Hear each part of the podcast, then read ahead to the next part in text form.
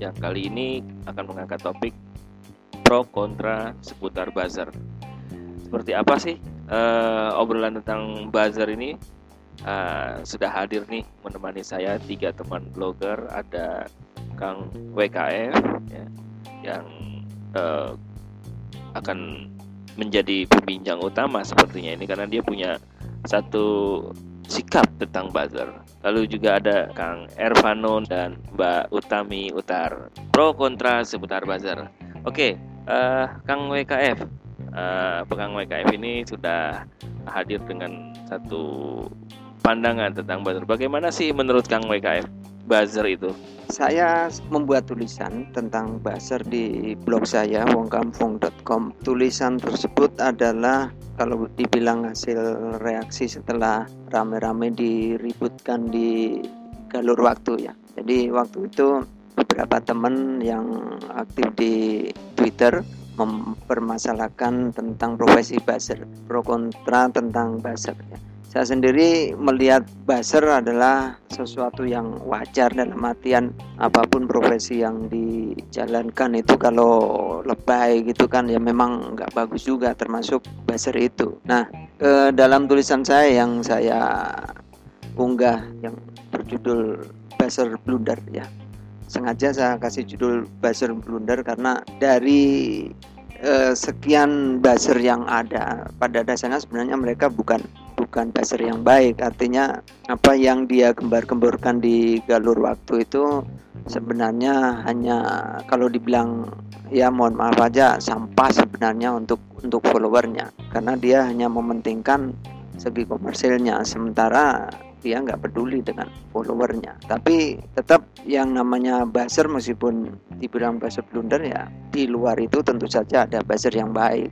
Memang mereka profesional dalam artian bukan hanya sekedar minta bayaran tetapi apa yang dia lakukan dalam membas itu itu bukan hanya melihat dari siapa yang bayar tetapi juga dia memperhatikan followernya. Kang Wakil F bilang ini ada yang namanya buzzer blunder. Seperti apa dia sebenarnya Kang WKF belum memberikan contoh tweet-tweetnya ya. Seperti apa sih tweetnya buzzer blunder itu? Nah ada satu contohnya tweetnya ada nggak? Salah satu uh, cuapan atau kicauan mereka kayak kayak kayak mana? Mungkin secara spesifik nggak nggak saya sebutkan ya. Tapi gambaran globalnya itu buzzer blunder itu yang mereka yang membombardir follower dengan apa promosi gitu ya dengan pemasaran yang jelas memuakkan lah gitu buat followernya. Atau mungkin uh, juga dari sisi timing kali waktu mungkin terlalu sering dalam satu uh, periode atau satu jam berapa kali itu mungkin seperti itu juga. Bisa jadi seperti itu tapi saya rasa juga itu memang uh, bisa jadi atas permintaan pihak perusahaan ya, atau yang membayar si buzzer itu. Tetapi yang penting tuh bukan berapa jumlahnya tetapi bagaimana caranya gitu. Nah, kalau saya sih ngelihat gini, yang namanya buzzer kalau kita ngelihat iklan di TV itu kan sama-sama sedang beriklan ya. Bisa nggak sih perbandingannya ke situ bagaimana Mas Ervano nih? Saya sih uh, merasa bahwa buzzer sah-sah saja ya uh, Twitter di sosial media. Jadi dia ingin menyampaikan sesuatu kepada followernya. Dan mungkin kalau tadi Kang WKI bilang harus soft tergantung buzzer itu sendiri. Kalau menurut saya bagus ketika si buzzer itu ingin menyampaikan sebuah produknya, dia menyampaikan dengan interaktif gitu loh. Jadi tidak tidak hanya memberikan tweet-tweet yang satu arah yang yang, yang itu bikin bikin followernya jadi apa uh, followernya jadi jengah gitu bacanya. Tapi interaktif misalnya saya pernah ada baca salah satu brand ambassador dia dia adalah um, artis gitu waktu itu saya baca. Uh, dia menanyakan sebuah uh, pertanyaan solusi kepada kepada followernya kemudian setelah banyak diperbincangkan gitu solusi-solusi dari followernya akhirnya dia menyebutkan oh saya lebih baik menggunakan ini nih karena begini begini begini begini.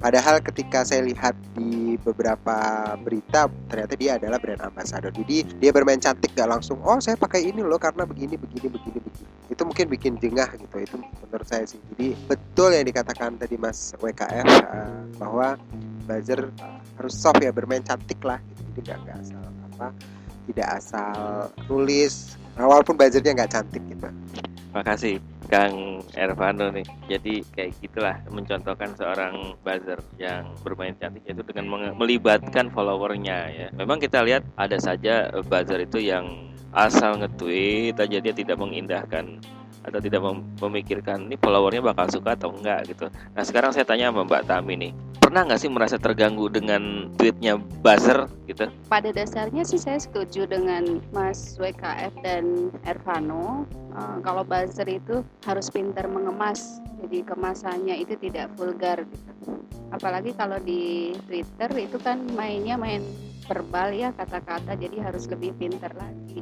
Kalau ditanya uh, terganggu atau tidak mungkin karena saya termasuk konsumen yang loyal terhadap suatu produk ya. Jadi kalau misalnya saya sudah pakai produk A kemudian di situ ada buzzer mengenai produk B mau segencar apa pun ya saya kurang peduli gitu. Jadi mungkin ya karena saya sudah jatuh cinta kepada produk A gitu jadi tidak mudah untuk e, merasa oh iya ya saya mau coba ini atau terganggu seperti itu.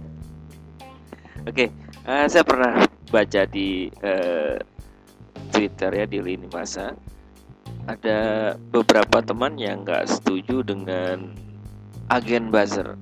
Ya kayak gitu gitulah uh, bahkan sempat kasar juga ada yang bilang pembodohan lah ada yang bilang uh, romusa lah gitu kan nah pandangan Kang WKF tuh kayak kayak mana ya? Uh, ya saya juga baca itu tuh kebetulan uh, saya baca juga dan saya juga memaklumi kenapa uh, teman yang menyebutnya semacam itu di galur waktu itu. Ya bisa jadi karena barangkali seperti inilah contoh gampangnya aja. Ya ketika kita menjadi follower dari seseorang kemudian tiba-tiba dia nge-tweet suatu produk yang yang kita tahu bahwa dia bukan pemakainya dia tidak menggunakan tetapi dalam uh, kicauannya itu jelas dia memuji-muji seolah-olah produk yang uh, dia promosikan itu sempurna nggak ada cacat sama sekali. Ya, sebagai orang yang tahu uh, kita tahu bahwa dia bukan penggunanya jelas bahwa itu hanya hanya suatu kicauan yang jelas dibayar. Yang nggak salah dibayar karena memang pekerjaan dia ya tanggung jawab dia untuk mempromosikan produk itu. Ya seperti yang saya bilang tadi ya memang harusnya meskipun dibayar tetapi juga jangan sampai kemudian uh, berprinsip membela yang dibayar. Uh, banyak blogger yang punya kecenderungan uh, mengisi blognya dengan tulisan-tulisan yang dibayar oleh uh, beberapa brand ataupun agen-agen uh, iklan ya. Uh, Kang WKF bagaimana uh, sikap Anda terhadap ketika Anda mau blog walking dan mendapatkan uh, teman blogger yang isinya ya sering dapat job atau atau sering menulis yang isinya promosi produk. Uh, blogger yang mereview atau mengulas sebuah produk itu nggak ada bedanya dengan seorang buzzer. Pada intinya mereka dua-duanya dibayar oleh pihak lain untuk mempromosikan produk yang yang dimiliki dan sama seperti uh, pandangan saya atau tanggapan saya tentang blogger yang berbayar ini. Karena blogger atau orang yang punya blog itu kan tentunya punya tujuan gitu ya. Artinya dia bikin blog itu untuk semata-mata untuk mengekspresikan apa yang ada di kepala dan hatinya atau memang dia sengaja membuat blog untuk mencari pendapatan gitu ya atau istilahnya memonetisasi blognya itu gitu ya. Kalau dia dapat job untuk mereview sebuah produk itu ya sah-sah saja. Tetapi ketika misalnya saya sedang blog walking datang ke sebuah blog dan menemukan uh, isi dari blog tersebut tuh pas mereview produk ya otomatis langsung saya tinggal karena itu bukan itu yang saya cari. Saya blog walking tulisan dia yang orisinil itulah bukan tentang produk uh, suatu produk yang saya cari tapi berarti bukan berarti uh, blog tersebut tidak ada tulisan-tulisan asli sang blogernya ya uh, setahu saya biasanya kalau memang dia itu ingin mereview itu ya entah ini benar atau salah mungkin nanti bisa dibenarkan oleh uh, yang tahu gitu ya. Harus proporsional artinya banding perbandingannya antara tulisan review dengan tulisan non review itu satu banding tiga. Jadi tiga kali nulis non review satu kali nulis uh, review. Dan dan ini kalau nggak salah itu saya pernah dapat tentang porsi ini dari mereka yang bergerak di di bidang online publisher itu ya. Yang mereka memang kerjanya itu ya nyari uang dari blog yang dia bikin itu. Uh, Kang Ervano gimana nih? Oke okay, kalau menurut saya sih ya sah-sah saja sih kalau WKF bilang begitu. Karena blogger yang punya job review menandakan gini loh. Kalau blogger dia dapat review berarti blogger itu uh, dipercaya sebuah produk gitu loh. Dan itu kita patut syukuri bahwa uh, sekarang nggak hanya media-media saja atau pengiklan-pengiklan itu nggak hanya cari media atau cari media apa elektronik saja tapi blogger juga di diminati gitu loh untuk untuk di uh, dijadikan pengiklan. Dan ini penting gitu loh ini bagus gitu buat saya. Jadi uh, blogger yang tadinya memang hanya menulis saja tapi sekarang dengan tulisannya dia dibayar maksudnya dapat menghasilkan sesuatu. Kan ini secara cara tidak langsung juga membuat setidaknya harkat dari blogger itu naik lah gitu. Dan tapi memang sih ketika misalnya wow ini baca review baca review ah, udah deh saya tinggalin aja. Ya itu sah-sah juga sih. Cuma mungkin kalau blogger yang dapat review baiknya uh, ketika menulis job review atau menulis sebuah produk memang diseimbangkan atau buat itu mengalir gitu loh bercerita bahwa ini bener loh saya saya pakai produk ini gitu secara personal gitu. Jadi seolah-olah memang di kehidupan sehari uh, kehidupan sehari-harinya misalnya bersama keluarganya dia menggunakan produk tersebut orang yang membaca jadi oh, membaca tidak hanya membaca bahwa gue pakai produk ini udah gitu. Ayo pakai produk ini atau secara gamblang gitu loh menyuruh orang pakai produk itu enggak gitu. Jadi dia bercerita benar-benar gini.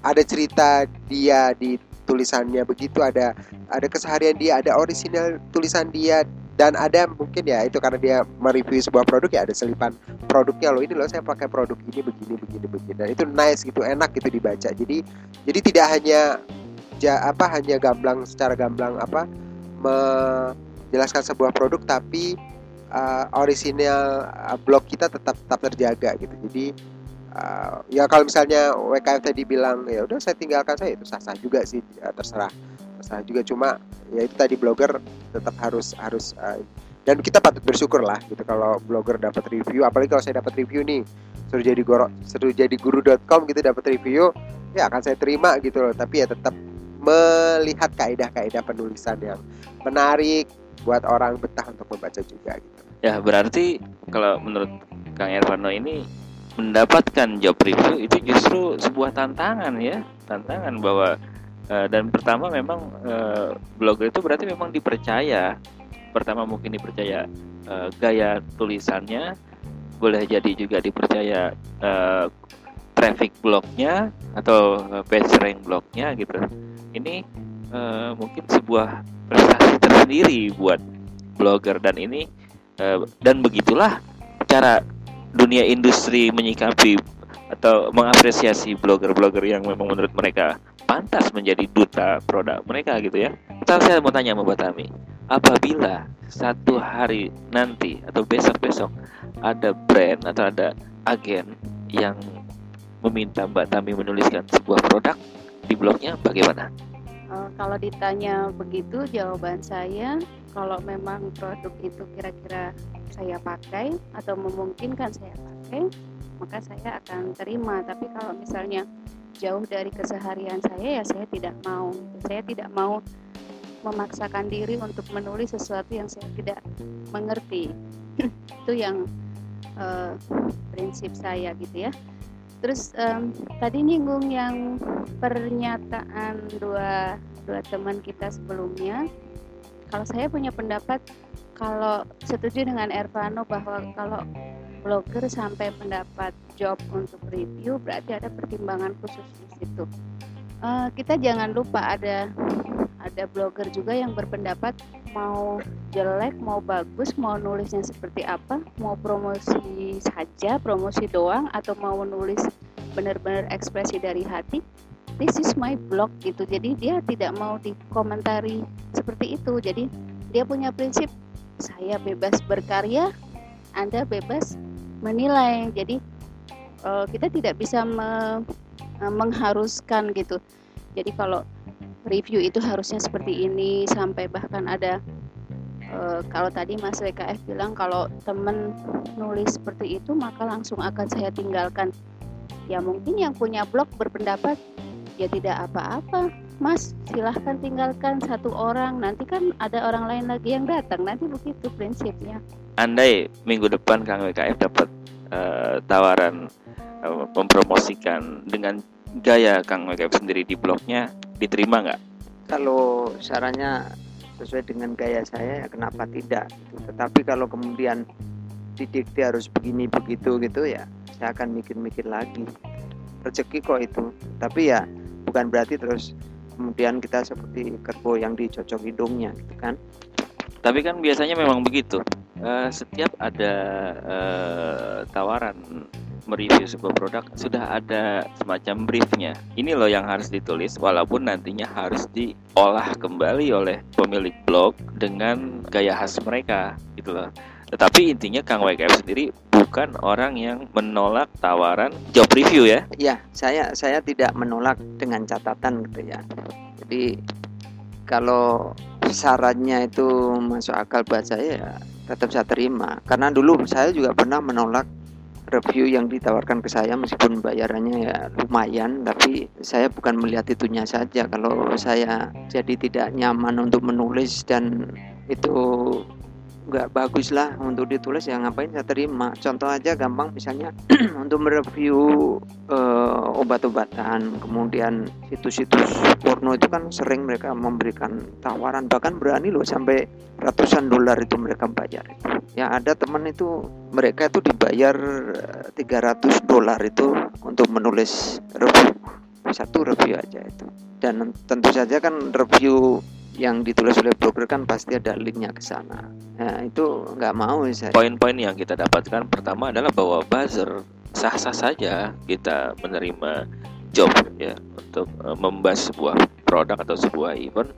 Eh, tetapi diperhatikan juga kenyamanan follower. Kadang kalau kita terlalu sering dalam eh, jangka waktu tertentu nge-tweet bertubi-tubi tentang suatu produk ya boleh jadi ini membuat jengah follower kita gimana kita harus nge-tweet itu dengan lebih eh, elegan dan kalau perlu kata Kang Ervano tadi melibatkan follower kita dengan satu conversation nih, satu perbincangan tentang yang akan diarahkan oleh eh, sang buzzer itu. Tak terasa follower terlibat. Begitu juga dengan blogger. Kalangan blogger nggak ada salahnya blogger menerima job review karena itu justru satu sisi kata Kang Ervano tadi merupakan nilai lebih yang dilihat oleh eh, brand sehingga brand percaya terhadap blogger tersebut. Namun tetap blogger tidak didikte sebagaimana pernyataan Kang WKF untuk menulis dengan eh, tidak didikte meninggalkan gaya menulis aslinya ya. Atau juga ada